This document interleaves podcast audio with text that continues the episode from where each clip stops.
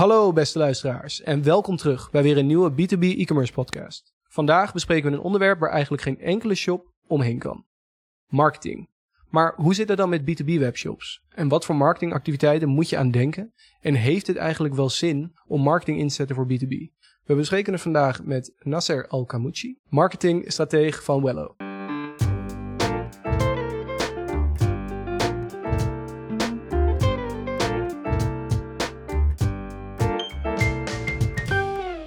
Zo, welkom Nasser. Hey. Leuk dat je wil nemen aan deze podcast. Ik ben heel benieuwd naar uh, jouw perspectief over uh, marketing voor B2B webshops. Natuurlijk vaak een beetje een no-go land. Maar om uh, even af te trappen en ook voor de luisteraars dat ze weten wie nou alle expertise aan het delen is hier. Zou je misschien een beetje een kleine intro kunnen geven van wie Wello is en wat Wello doet? Ja, is goed. Ik ben marketingstratege bij Wello. Ehm, mede dus ook een van de oprichters van Wello. We bestaan nu een jaar of vijf. En ja, in die vijf jaar zijn we best wel hard gegroeid. Eigenlijk door een aanpak waarin we uh, zelf, zoals we al zelf altijd zeggen, verder kijken dan alleen maar je marketing. Dus het is ook een stukje uh, ja, bedrijfskunde. Dus we, we proberen in te duiken in het bedrijf. De naam Wello komt daar ook vandaan. Why Hello. Mm -hmm. Dus eerst altijd de why in plaats van meteen te duiken in de hello. Dus wat, wat is je onderscheidend vermogen? We gaan ook heel vaak op bezoek bij klanten, bespreken doen altijd uitgebreide kick-off uh, trajecten. Uh, en gaan dan pas aan Hello denken. Dus de campagnes, beeldmateriaal en, en, dat soort dingen. Ja, dus in die hoedanigheid helpen ook heel veel B2B bedrijven natuurlijk met hun marketing. Top. Ja, nou, ook leuke naam zo gevonden. En, en ook jullie logo spreekt natuurlijk nog leuke boekdelen met de walvis die er mooi ja, bij past. Ja, blijft lekker hangen. Ja, ja, je noemde het al even kort B2B ook, hè? Ja, jullie zijn ook veel met, uh, doen jullie ook veel met B2B uh, partijen? Ja, ik denk dat het bij ons, uh, het is niet per se dat we er alleen maar in specialiseren, maar ik denk dat het 50-50 is bij ons. Dus we hebben ook onze marketingteams daarop ingericht. Je merkt wel dat het echt een apart, apart vak is. E-commerce of B2B.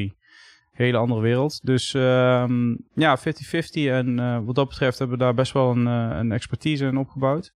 En ik ben zelf re redelijk overkoepelend, dus ik ben, ben van alle markten thuis. Ja, nou, dan ben je dus de juiste persoon om hier het even over te hebben en uh, jouw perspectief over aan te horen.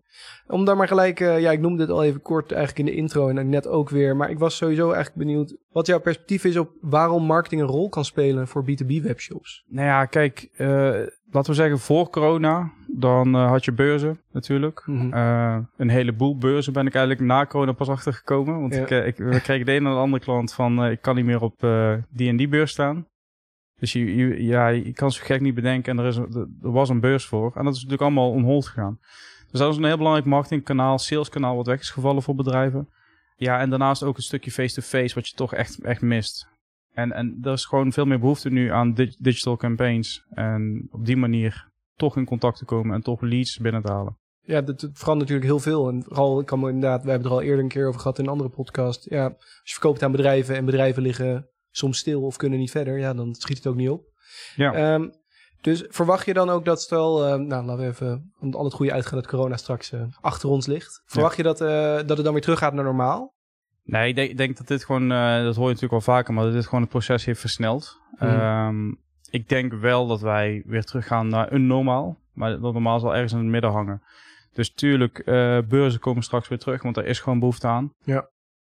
Um, maar webinars, die blijven. Ja. En je ziet bij ons ook, uh, onze videolabel Skip, die, uh, die zijn volop ingedoken natuurlijk in webinars. Dat deden ze voorheen ook al, maar het is nu ja. volle bak.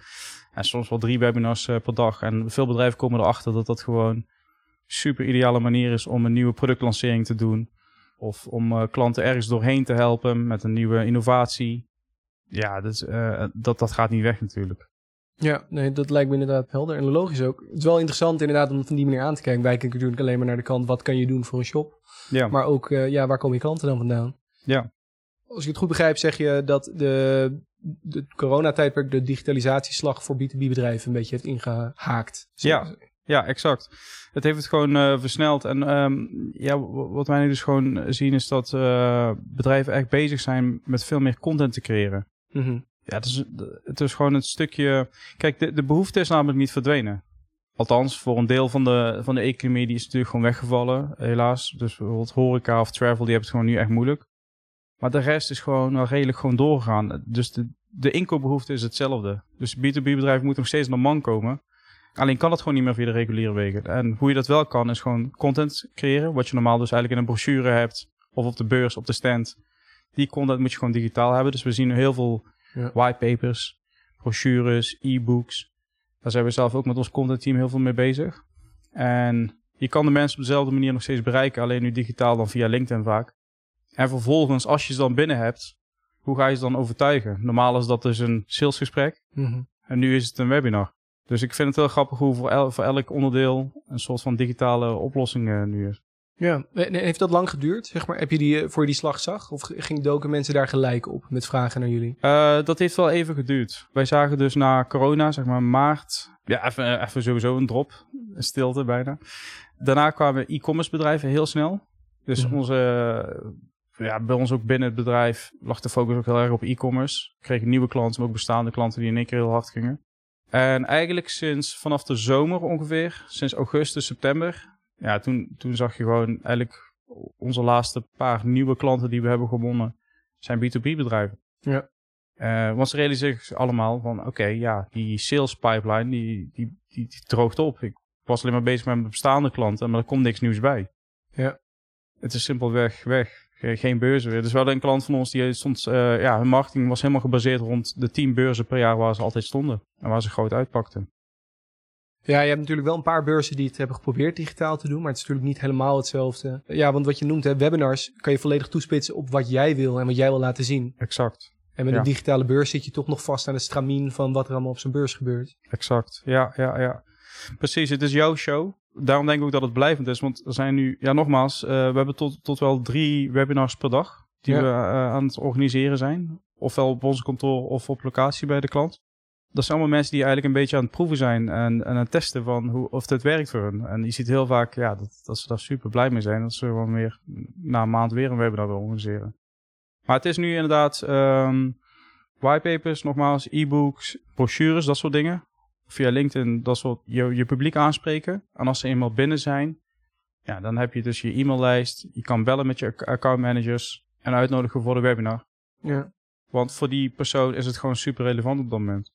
Ik was ook sowieso benieuwd naar wat voor technieken je inderdaad kan inzetten. Dus je, je noemde al e-books, hè? Ja, En wat voor content heeft zo'n e-book dan voor een B2B webshop? Is dat dan hoe je een product gebruikt of wat je precies met het product kan? ja. ja dan, dan denken we vaak aan die fases. Dus door welke fases loopt jouw B2B klant, de, Ja. de inkoper waarschijnlijk. Dus de customer journey. En het ligt aan welke fase die zit. Dus sommige klanten van ons komen binnen en die zeggen... nou, ik heb al 30.000 slapende klanten. Ja. Nou, dan gaan we daar natuurlijk mee aan de slag. En dan is het bewustzijn creëren bij die mensen.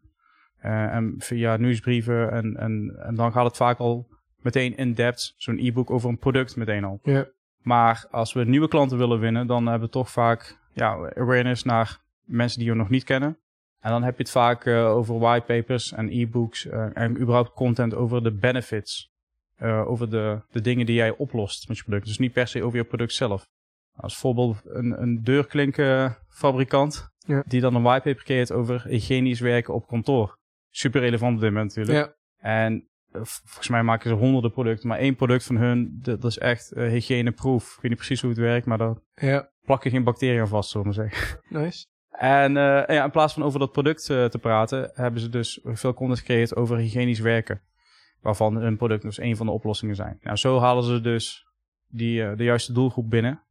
Textilies. En dan begint, kikt het eigenlijk in eh, de markt. En is dat dan ook de tactiek? Want ik vroeg me daarnaast ook af van, zijn dan de klanten van B2B webshops, dus eigenlijk andere bedrijven, zijn die ook meer open voor dit soort marketingactiviteiten dan vroeger? Ja, absoluut. Ik, ik, dacht, ik dacht altijd een beetje dat, weet je wel, die, die whitepapers en e-books, dat dat Mhm. wel een beetje zo'n zo, zo'n inmiddels oude marketingstrategie eh, is, was. Ja.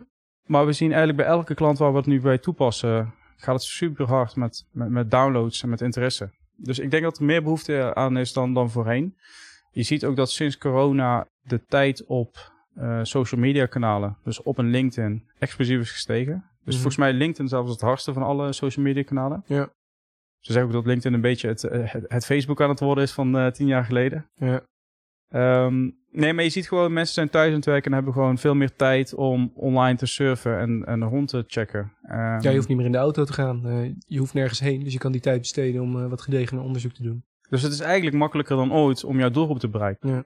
Wat wel echt een super belangrijke voorwaarde is, maar we eigenlijk heel erg al pushen altijd, is dus die customer journey. Dus dat je wel relevante content creëert voor een specifieke doelgroep, niet doelgroep voor jou.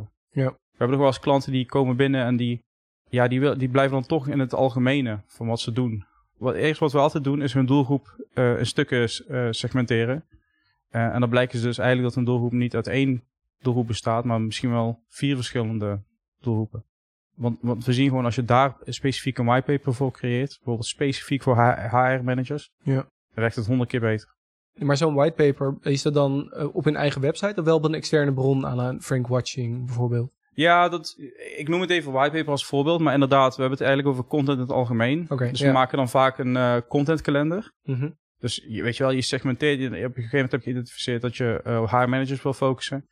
Nou, dan maak je een contentkalender waar je dus gaat bedenken wat voor content gaan we creëren om die persoon te overtuigen, te, te, te inspireren.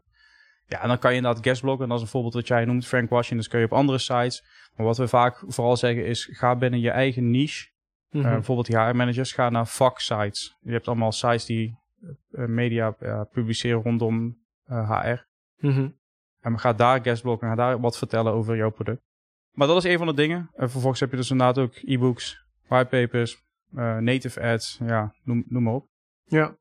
Ja, ik, ik merk het zelf ook. Wij vanuit TIG, ja, we nemen een podcast op. We zijn ook steeds sowieso bezig met meer content naar buiten brengen. Maar Ja. ik zie dit inderdaad ook steeds meer gebeuren. En vooral wat je zegt vanuit LinkedIn. begint een beetje het, uh, het Facebook van tien jaar geleden te worden voor de zakelijke markt in ieder geval. Ja. Het is meer buzzing dan ooit van tevoren. Vroeger kon ik nog wel eens door een, uh, een LinkedIn feed heen en dan zag ik twee uur later nog precies hetzelfde. ja. En nu heb je binnen twee minuten heb je een compleet andere feed voor je Ja. Maar dat komt ook gewoon omdat er echt mensen veel meer tijd besteden op LinkedIn dan voorheen. Die cijfers moet je opzoeken, maar volgens mij was het twee keer zoveel als voor Ja. eh, corona. Terwijl LinkedIn was eerst... Mensen zaten vooral op privékanalen. Ik Mhm. noem het even privékanalen, maar Instagram, Facebook. Daar besteden mensen volgens mij iets van twee uur per dag gemiddeld Ja. op. En LinkedIn hi- hing daar altijd een beetje achteraan. Dat is een, toch een kanaal wat je af en toe checkt. Ja, of al vooral als je een connectie hebt gemaakt. En nu is het echt een kanaal waar je echt eh, consumeert. Echt informatie consumeert. Maar hoe, hoe doen jullie dat zelf dan? Hebben jullie ook aan jullie eh, marketing vanuit TIG... Pakken jullie bepaalde doelgroepen? Of zeggen jullie gewoon B2B? Ja, we hebben, we hebben een, een specifieke doelgroep zelf afgekaderd van ehm, waar willen we ons richten of wat, wat is een knowledge level. Dus we focussen sowieso zelf meer op thought leadership. Ook Mhm. omdat we niet een product, product van onszelf verkopen natuurlijk. Ja. Eh, dus van daaruit hebben we dat afgekaderd. Dat we, oké, wat is nou de vraag in de markt? Wat, welk stuk informatie ontbreekt waar mensen naar op zoek zijn? En hoe kunnen ze daar bij ons terechtkomen? Ja. En dat zijn dergelijke vragen. Nou, misschien een vraagstuk zoals we die ze nu behandelen. Ik kom niet heel vaak tegen online wat je nou precies voor B2B marketing moet doen. Er zijn B2B marketingpartijen die zeggen we zijn gespecialiseerd daarop. Mhm. Maar wat moet je dan precies doen als je een B2B webshop bent die nog nooit eerder marketing heeft gedaan? Nou, dat vraagstuk, dat zie ik niet heel vaak terugkomen in de markt. Ja. En dat zijn van die stukken waar we dan op inhaken, waar, waar zeg maar haakjes voor zijn. Ja, precies. Ja, daar, daar pak je dus al gewoon een lijn in. Ja, kijk, en je zou dan nog een stap verder kunnen gaan en zeggen, nou, dan doen we dit voor B2B webshops in de industrie. Eh, versus B2B webshops die eh, in de beauty zitten bijvoorbeeld. Ja. En het lastige daarvan is, wat ik vaak merk bij klanten, is dat ze zeggen, ja, maar we, wij, we hebben een heel breed doelgroep, weet je wel. We doen voor iedereen wel wat. Maar dan nog zeggen we, oké, maar waar verdien je eigenlijk je geld aan of waar wil je in winnen? Eh, meer markt aan winnen. En pak er gewoon nog, alsnog gewoon een paar doelgroepen uit. En als je eh, wat cases hebt met de beauty-industrie en daar B2B webshops voor hebt gebouwd, Ja, ja, ja. dan is het toch beter om je marketing euro's in die funnel te investeren. Want de kans is gewoon veel groter dat dat gaat werken. Dat die mensen zich aangesproken voelen. Ja, dat zijn helemaal goede punten. Ja, ik, ik zie het inderdaad, ik herken het allemaal wat je zegt. Dus dat is helemaal interessant. Alleen denk je er dan net op een andere manier over van ja, wat doe je dan precies? Ja. Want het is toch traditioneel. Ik denk dat we het allemaal weten, is B2B is mond-op-mond. Ja. Maar dat, dat verdwijnt dus gewoon inderdaad steeds Ja. meer. En ook door deze periode. Nou ja, kijk, de zelfs mond... Het, het is niet per se dat het verdwijnt. Het, eh, er is een alternatieve digitale oplossing voor. Ja. Dus eh, de, de beurzen zijn nu webinars, bij van spreken. Ja, Eh, of, of zijn digitale beurzen en dan webinars. Eh, de gesprekken zijn digitale calls nu, dus Ja. face-to-face. De mond-op-mond reclame, dat is wellicht nu een, eh, een, chat, een chatbot, waar je net ook Ja. over had op de website. Of dat zijn de, de reviews. ja de reviews. Misschien is dat nog een beter voorbeeld. Ja, dus het is, er is er steeds... Ik probeer ook elke keer bij elke fysiek iets... probeer ik na te denken... wat is nu eigenlijk de digitale oplossing eh, daarvoor? En ik herken het andere wat je zei, herken ik dus ook heel erg. Inderdaad, september, augustus was echt Mm. het punt dat het eh, was van ja, we zitten hier aan vast. Laten we maar dedicated doorgaan. Ja, En dat is wel interessant om te zien. Ik ben ook gewoon heel benieuwd hoe dat verder gaat uitpakken. We hebben net bijvoorbeeld eh, webinars, e-books en dat soort zaken. Zijn er nog andere dingen waar ik aan kan denken voor marketingtechnieken die je voor een B2B webshop kan inzetten? ja. Ja, er zijn- wel meerdere dingen, maar wat ik heel interessant vind is marketing automation. Oké. Er is altijd zo'n breed term geweest van, oké, wat, wat, wat is het nou? Het is een veredelde term voor e-mail, Mhm. nieuwsbrieven, e-mailmarketing of zo. Ja. Maar het is, wordt steeds duidelijker. Er zijn ook steeds meer tools hoe je het gewoon kan inzetten. En eh, een voorbeeld dat we eerder hebben besproken is ja, predictive eh, orders. Ja. Vind ik wel echt super interessant. Dus klanten die op je B2B webshops... Ja, het zijn vaak gewoon steeds dezelfde bestellingen die ze maken. Zeker in een B2B wereld. Die inkoper weet gewoon ongeveer hoeveel die nodig heeft. Eh, dus die doet dat om een bepaalde periode. Om de maand heeft hij een bepaalde bestelling. Bijvoorbeeld. Nou, met, je hebt nu steeds meer tools die je kan koppelen aan Magento. En binnen Magento heb je ook allemaal triggers. Waar je op basis van die data eigenlijk vooraf al kan weten van... Straks komt hij weer met zijn bestelling. Ja. Van zoveel stuks. En als hij dat dus een keer niet doet, dan ontstaat er dus... Dat is dus marketing automation. Dan ontstaat er een trigger. Waardoor die klant een mail krijgt met... Hey, ben je je order vergeten? Bla bla bla bla. Eh, tegelijkertijd kan er ook een mail naar de accountmanager toe gaan, intern. Van, hey, die klant die heeft een bestelling, een predictive bestelling overgeslagen tussen haakjes. Ja. Ja, dat vind ik echt eh, briljant gewoon, die, eh, dat soort marketing automation oplossen. Ja, nee, zeker. Ja, dat zijn inderdaad de mooie nieuws. En vooral inderdaad die nieuwe stappen, maar ook vooral als je een nieuwe klant hebt.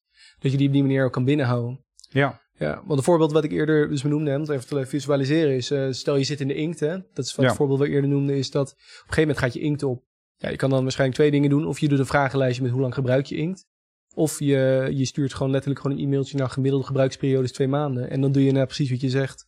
Oh, ze hebben nog niet besteld. Nou, laat ik een mailtje sturen met 10% korting. Ja. En op die manier ga je binnen. Ja, dat zijn inderdaad wel mooie dingen. En vooral ja, denk ik ook, ik ben het er ook volledig mee eens, vooral met eh, als je nu nieuwe klanten gaat binnenhalen. Dat zijn niet klanten die al tien jaar bij jouw klant zijn. Dus die moet je nog zeg maar, warm maken. ja, Ja, dat is inderdaad, eh, dus dat is marketing automation aan de voorkant. ja, Eh, dat is echt onderdeel van je marketing. Dat hebben we dus nu heel veel met, en daarom hebben, hameren we dus nogmaals op die funnels. ja. ja Want ja. ook dan werkt dit weer beter. We hadden bijvoorbeeld voor een klant van ons, eh MobiTrain, die, die bieden, dat is een mobile app, learning app. Mhm, Sinds corona gaan die super hard. Je kan je team niet meer klassikaal trainen. mhm. Dus voilà, een app. Ja, zij waren al meteen om. Dus zij hebben echt eh, allemaal funnels openmaken, ook op de site. Eh, dus eh, learning, e-learning voor HR-managers bijvoorbeeld. Nou, daar hebben ze aparte content voor gecreëerd, zoals we net al zeiden. En dan als ze eenmaal de e-mail binnen hebben, nou, dan ga je, als iemand een whitepaper downloadt, ga je hem niet meteen bellen. Ik bedoel, hij downloadt een whitepaper ten eerste voor informatie. Dus het is een, dat noemen we dan een MQL, Marketing Qualified Lead. Mhm. Nou, en dan begint inderdaad die e-mail flow. Eh, de eerste mail is dan eh, wat tips voor haar, nog meer tips voor haar managers. De tweede mail vertelt wat meer over MobiTrain met een filmpje. De derde mail laat een case zien, specifiek voor haar managers. ja, ja, ja. Snap je? Dat is alles gewoon relevant.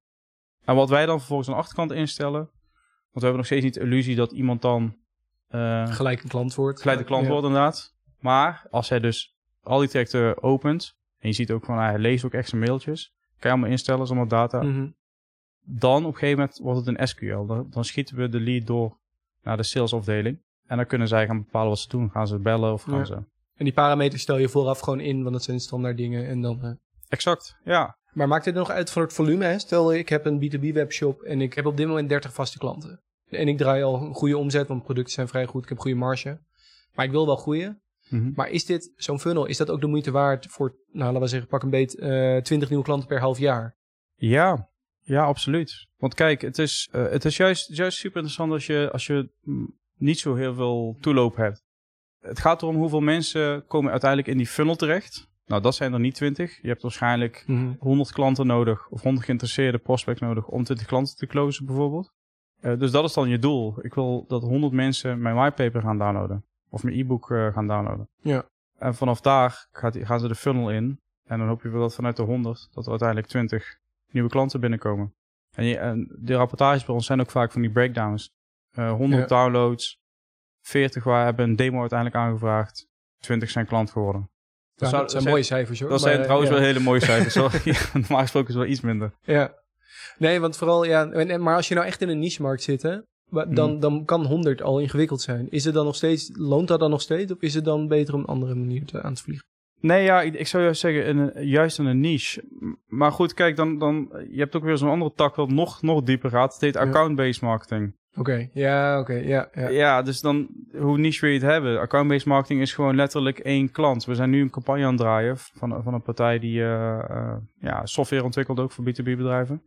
En die zijn nu één op één de Belastingdienst aan het, eh, aan, op aan het richten. En dan bij de Belastingdienst werken duizenden mensen. Maar Ja. binnen, binnen die duizend mensen hebben we wel een ehm, bepaalde soort eh, functieomschrijvingen. Alleen dat soort mensen. Dus dan hou je er misschien duizend over. De Belastingdienst is al klant bij hun.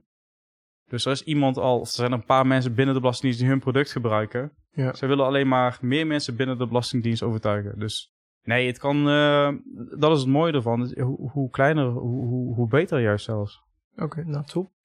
Interessant. Ja, want dat zijn er wel van de automatische van die alarmbellen die bij mij afgaan. Van ja, maar dat Ja. werkt daar toch niet voor. Want massa is wat je daarvoor moet hebben. Maar Ja. er zijn dus ook mogelijkheden om dat op een kleiner niveau te doen. Dan gelijk even een andere vraag. Want we hebben dus al het verschil B2C en B2B gehad. Hè? En we hebben het nu over ja, acquisitie. En vaak heb je in B2B zijn, heb je meer marge. Heb je meer verkoop en je hebt langdurige klant. Ja. Betekent dat ook, begrijp ik het dan goed dat in algemene zin... dat de acquisitiekosten binnen B2B vanuit marketing vaak hoger zijn dan B2C? Ja, ja veel, eh, veel hoger vaak. Ja. En daarom is het ook wel echt een, een vak apart. Want Ja. als je dus een marketeer hebt die beide doet, of B2C is gewend, die, ja, die snapt dat gewoon in eerste instantie niet. Er zijn klanten bij ons die komen binnen en die zeggen, nou, ik vind 1000 euro per eh, lead vind ik eigenlijk wel oké. Ja. Ja, dat is voor een B2C-campagne is dat gewoon Ja, dat is- mind-blowing. dat je Ja, zelfs kan. als je een auto koopt, is 1000 euro voor B2C nog veel, inderdaad. Ja, precies. Dus, eh, maar ja, goed, dat, dat was een klant dan die verkocht van die esthetische apparaten voor in eh, klinieken. Ja. En eh, één apparaat of een systeem bij hun, zoals ze het zelf noemen, is minimaal 80k. Weet je, anders staat er zo'n laserapparaat in je, in je kliniek of in je wellnessresort. Dus ja, dat zijn andere bedragen. Als ze één zo'n klant binnenhalen, ja, dan was ja, alles... dat is ook niet één product natuurlijk. Hè. Het is in principe met B2B heb je natuurlijk wel een klant, als je het goed doet, die heb je voor een paar jaar. En die Precies. blijft herbestellen. Dan heb je het vaak over eh, customer life value. Ja. En dan in plaats van, eh, ja, nou, eh, ik zeg maar, wel, je zegt nu 1000. Ik eh, verkoop een product van 10.000, maar ik heb 1000 euro moeten betalen voor acquisitie. Nou, dan heb ik 9000 over. Ja, In mijn marge. ja, Dan is het een hele moeilijke berekening. Maar inderdaad, de customer life value is dan wel iets anders. Dus vandaar. klopt. En Maar blijven, de percentages zijn dan ook vaak hoger, neem ik aan. Behalve de absolute getallen. Mhm. Blijven de percentages wel gelijk verder ten opzichte van B2C? Of zie je er ook wel een groot verschil in? Dat, je, dat ze bereid zijn om 30% van hun productwaarde zeg maar, te investeren? Ja, dat, dat verschilt. Ik denk ook net als met eh, B2C dat het gewoon verschilt. De ene, ene bedrijf is meer digital minded en die zeggen ik wil gewoon 20% van mijn, eh, van mijn budget geven aan marketing en digital marketing. En de andere die is echt alleen maar af en tasten. Ja, ja, ja. Ja, wat ik wel merk is, ik merk bij veel dit soort bedrijven wel, die zijn wel gewend om eh marketing euro's uit te geven aan fysieke events. Dus bijvoorbeeld aan beurzen, als je ziet wat voor bedragen daaromheen gaan. Ja. Dan maak je een stap naar digital en dan is toch allemaal iets behoudender. Ik snap dat ergens wel, maar Ja, ik denk dat het gewoon het verschil is. is ze weten daar wat, wat ze eruit kunnen halen. Dat is ook keer op keer bewezen. En Ja. dan klinkt het heel eng van, oh, hier heb je geld, ga er maar online wat mee doen. Dat is dan Ja. vaak in hun hoofd. ja, En je zegt wel, ik haal er dit uit, maar hoe weet ik dat dat gaat gebeuren? En dat is de Ja. eerste keer heel eng, denk ik. En het voordeel van de beurs is natuurlijk, je betaalt één keer voor een beurs. ja, En dan zie je het wel. Maar met marketing moet je soms extra bijsturen om het te laten het is werken. een proces. Dat is inderdaad wel zo. Ja, en het is ook wel wat je zegt. Je ziet de groei nu steeds meer. En eh, ja, als die verwachtingen dat steeds meer mensen dat gaan doen, dan wordt het ook normaal. Ja, ja, En ja, op een gegeven moment, als je kritisch gaat kijken, misschien voor sommige bedrijven, voor sommige bedrijven zal een beurs altijd het summum zijn. Want ze kunnen producten laten zien.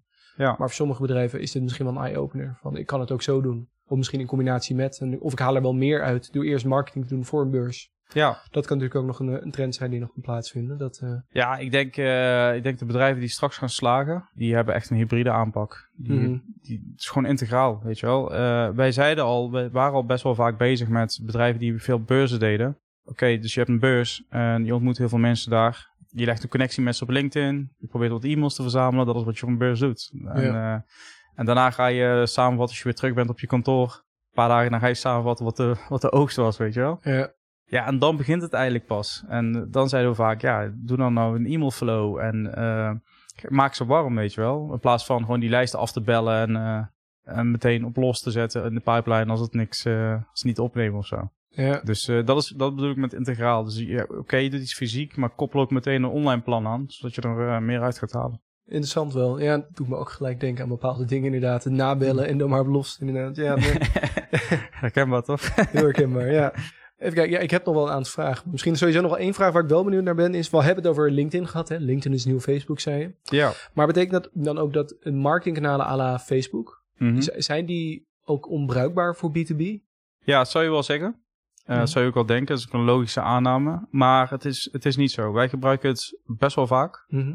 Eigenlijk stellen we het altijd voor. Gebruiken het denk ik een helft van de tijd. Maar het is, eh, het is altijd een goede toevoeging. Wat, wat veel bedrijven niet realiseren is... Kijk, eh, op LinkedIn vind je je zakelijk publiek. Dat is gewoon zo. Dat is een feit. En LinkedIn is de enige partij, zover ik weet... eh, die de data ook heeft om op, eh, op jouw doelgroep te targeten überhaupt. Mhm. Want alleen op LinkedIn vul je, vul, eh, vul je heel netjes in waar je werkt wie je bent, wat je functie is, wat je opleidingen waren. wat je Dus, skills zijn, ja. dus ja, dat is gewoon, LinkedIn heeft gewoon een monopolie erop. Dus meestal proberen wij in, de, in de awareness fase, bereiken we de doelgroep op LinkedIn inderdaad. Maar dan, als ze eenmaal op je site zijn geweest en je hebt interactie gehad, dan maakt het niet uit waar je ze vervolgens op remarket. Je hebt natuurlijk gewoon die cookies, pixels, en dan kikt de remarketing in. Dan begint eigenlijk het proces dat je steeds terugkomt in beeld. En dan zetten we vaak Facebook in of Instagram. Want uiteindelijk besteden mensen nog steeds meer tijd op dat soort kanalen. Eh, dus dezelfde zakelijke doelgroep Ja, die je daar ook gewoon kan bereiken. ja. Dus eigenlijk eh, een voorbeeld pakken. Je wil een printer kopen voor je bedrijf. Je hebt even gekeken. Je gaat naar huis toe. Je zit op de bank en je opent even je Facebook en je ziet er meer voorbij komen. En je hebt weer een nieuwe trigger. Exact. Ja, Ja. ja. Waarom zou je dan niet eh, met een zakelijke ad gewoon terug kunnen komen op, op de Facebook van jouw doelgroep? Ja, En eh, het voordeel daarvan is ook nog, en dat is wat we vaak tegen klanten zeggen, is dat Facebook eh, en Instagram veel goedkopere kanalen zijn dan LinkedIn. LinkedIn weet natuurlijk wat het waard is. ja. Dus eh, daar gaan je euro's wel heel snel doorheen. En dat is prima. Ik bedoel, het, is, het is wat het is. Maar als ze eenmaal binnen zijn, dan wil je ze juist op andere kanalen ook terugkomen die een stuk goed- voordeliger zijn eh, voor je. Dus zo haal je veel meer uit je marketing. Je zou er inderdaad niet over nadenken, maar het is inderdaad wel een eh, goede manier. Ja. Moet ik zeggen dat ik zelf nooit meer op Facebook zit, persoonlijk. Maar Instagram inderdaad, dat komt er... Dat Ah ja, YouTube. Per dag. Ja, YouTube inderdaad, ja. Veel doen veel met video. Ja, nou YouTube. Is YouTube dan ook een goede manier om te doen? Want dan kan ik me helemaal voorstellen dat als jij gekeken hebt naar een eh, bepaald product, Ja. dat je daarna een tutorial video als advertisement krijgt, dat het best wel interessant kan zijn. Ja, het zijn, ehm, ja, wat zijn het eigenlijk? Het zijn eigenlijk soort twee, drie soorten video's, type video's die we altijd aanbevelen Mhm. in die customer journey, in die funnel. Ja. Dat is een user case eh, video. Dat is echt super krachtig. We zien ook altijd dat, dat de video, de view rate altijd heel hoog is. Mhm. Dus je bent op de site geweest voor die printer. Ja. En je ziet daarna een, een ander bedrijf die met die printer in actie heeft eigenlijk vertelt hoe ze die printer gebruiken. Nou, dat is eigenlijk de beste mond-op-mond reclame. Ja. Ja, en daarnaast heb je natuurlijk ook gewoon een productvideo over die printer zelf, van alle features. Moet niet te langdradig worden, maar even flitsend de belangrijkste dingen. En iets authentieks, zeggen we altijd. Eh, Mhm. Dus iets vanuit het bedrijf zelf, medewerkers die aan het woord zijn. Dat soort video's doen het ook altijd supergoed. Ja.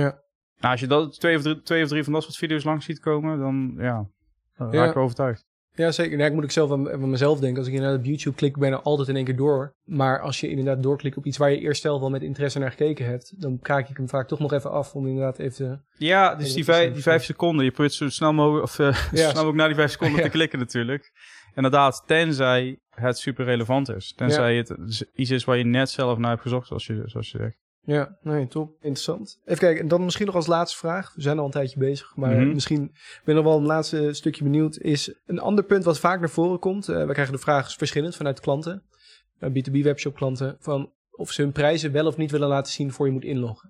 Oh ja. Nou, als ik even nadenk over marketing, zonder heel kort door de bocht over alles wat marketing is, maar natuurlijk deals price-driven. Hè? Dus ik heb alleen al denken aan een Google Ads bijvoorbeeld. ja. Ehm, maar daar komen natuurlijk wel een paar moeilijkheden bij kijken. Ehm, hoe kijk jij tegen het, het niet laten zien van prijzen voordat je inlogt op een website? ja. ja die, die is lastig en die, die verschilt volgens mij per situatie, Mhm. per soort niche of bedrijf. Eigenlijk het voorbeeld wat je net aanhaalde, ben je nou zelf echt een monopolie, dan kan je het maken om niet geen prijs te laten zien bijvoorbeeld. Of Ja. zit je in een hele concurrerende markt, laat iedereen zijn prijs zien, ben je de enige die het niet doet. Ik weet niet of dat dan zo handig is. Dus, eh, maar wa- wat ik in ieder geval eh, een- ja, een belangrijke psychologische methode vind, is dat eh, FOMO-effect. Dus fear of missing out. Ja.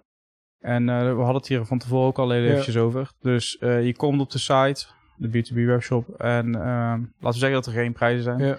En je krijgt een pop-up na zoveel tijd. Eh, na, na een paar seconden van, wil je, de, wil je goedkopere prijzen zien dan je nu ziet op de website? Of ja, weet je wel, iets van fear of missing out. Van shit, als ik me nu niet aanmeld, dan ga ik nooit weten wat voor korting ik krijg. Ja, wil je een speciale prijs voor jezelf? Wil je een speciale prijs hebben? Meld je Ja. dan nu aan. Ja. Eh, onze klanten krijgen, onze B2B-klanten krijgen tot 40% korting. Jij ben benieuwd wat voor korting jij krijgt? Weet je, zo, zoiets. Ja. Eh, en dan maakt het eigenlijk niet eens meer zo heel veel uit of je prijs of geen prijs laat zien. Ik weet niet wat jij daar... Nee, ja, nee ik, ben, ik kan me er wel in vinden hoor. En vooral om de basis van de dingen die je nu eerder hebt verteld. Het gaat voornamelijk op basis van content. En laten zien dat je de informatie hebt en weet wat je met een product kan en je klant kent. ja, In plaats van het, nou ja, ik wil niet zeggen het old school, maar B2C-achtig is meer, nou, wij hebben de goedkoopste prijs, kom bij ons. ja, En daar ben je in principe in B2B niet op uit. Dus ehm, ja. ik denk inderdaad het verschilt per scenario. Sommige klanten heeft het een heel goed effect om niet gelijk een prijs te laten zien, omdat ze mensen rotschrikken als ze eerst in één keer de prijs zien. ja, Als jij een dure machine wil kopen en je ziet opeens eh, drie ton staan, ja, dan klik je misschien gelijk weg. Maar als je denkt, oh, goede machine, ik ga even naar de eigenschap kijken, ja, dan groeit dat vertrouwen in, eh, in het product.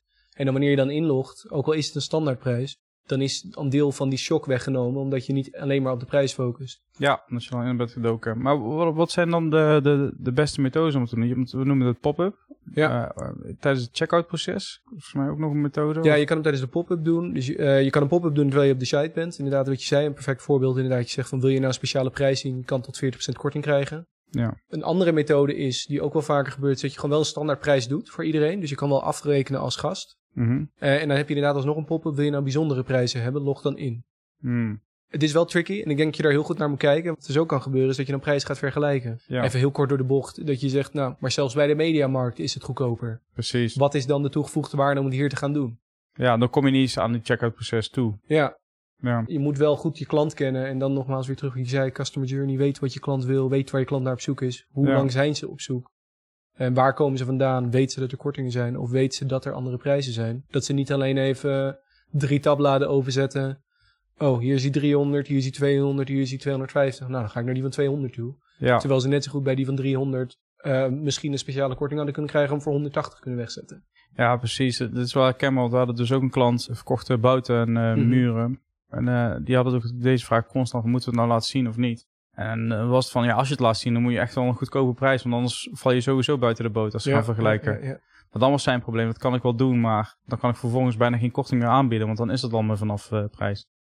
Dus eigenlijk zeggen wij, ja, meestal beter om geen prijzen te tonen, denk ik. Ja, ja, in principe wel. Ja, en het tweede, wat ik nu nog bedenk, we hebben natuurlijk ook over Magento gehad. Wat je kan doen binnen Magento en ook andere platformen, is gewoon twee store views. Dus je hebt twee verschillende webshops binnen één omgeving, beheeromgeving, waarin je Hmm. verschillende prijzen laat zien. Dus wel, misschien doe je het voor B2C, Ja, dat, zou, dat zou kunnen. Of misschien doe je het voor kleine B2B's, die eigenlijk niet de grote bulk gaan bestellen, maar alleen soms kleine producten nodig hebben. Met één vaste prijs en waar je wel de prijs laat zien. Ja. En je hebt één B2B shop. Dat kan alleen al zijn dat je een, een bijvoorbeeld B2B.webshop neerzet. Ja. Eh, en dat je daar het onderscheid in maakt en dat je de twee verschillende prijzen hebt. Dus je kan alsnog die markt bedienen. Eh, je doet het of specifiek voor bulk en specifiek voor klein. Ja. Of je doet specifiek klantafspraken en gewoon generieke afspraken. Ja, En daar kan je dan een beetje in variëren. ja, En sterker nog, dan kan je zelfs, als je de, wel de prijzen laat zien, laten we zeggen de kleine B2B, kan je ze nog een nudge geven als ze tien keer hebben besteld. Wist je dat je ook een account kon aanmaken, dan kunnen we korting voor je genereren. ja. Dat is eigenlijk weer een stukje marketing automation. Ja, dus dan een hou je inderdaad binnen. Ja, ze, ze maken de hele cirkel rond. Eh, allemaal ideeën die naar voren komen, die, eh die Ja, je zo kan insteken. Ja, Dus super interessant. Ik denk dat er heel veel manieren zijn om toch, wat ik op het eerste oog dacht, ja, je kan wel wat voor B2B webshops. Toch wel heel Hmm. veel haakjes zijn die je heel logisch hebt laten klinken. Waarvan ik dacht, ja, daar had je eigenlijk al lang over na kunnen denken. ja. Dus heel interessant en eh dankjewel voor alle informatie, Nasser. En dan eh wou ik hiermee graag de podcast afsluiten. Dank voor het luisteren. Elke week publiceren wij een nieuwe B2B e-commerce podcast op onder andere Spotify, Apple Podcast en Google Podcast.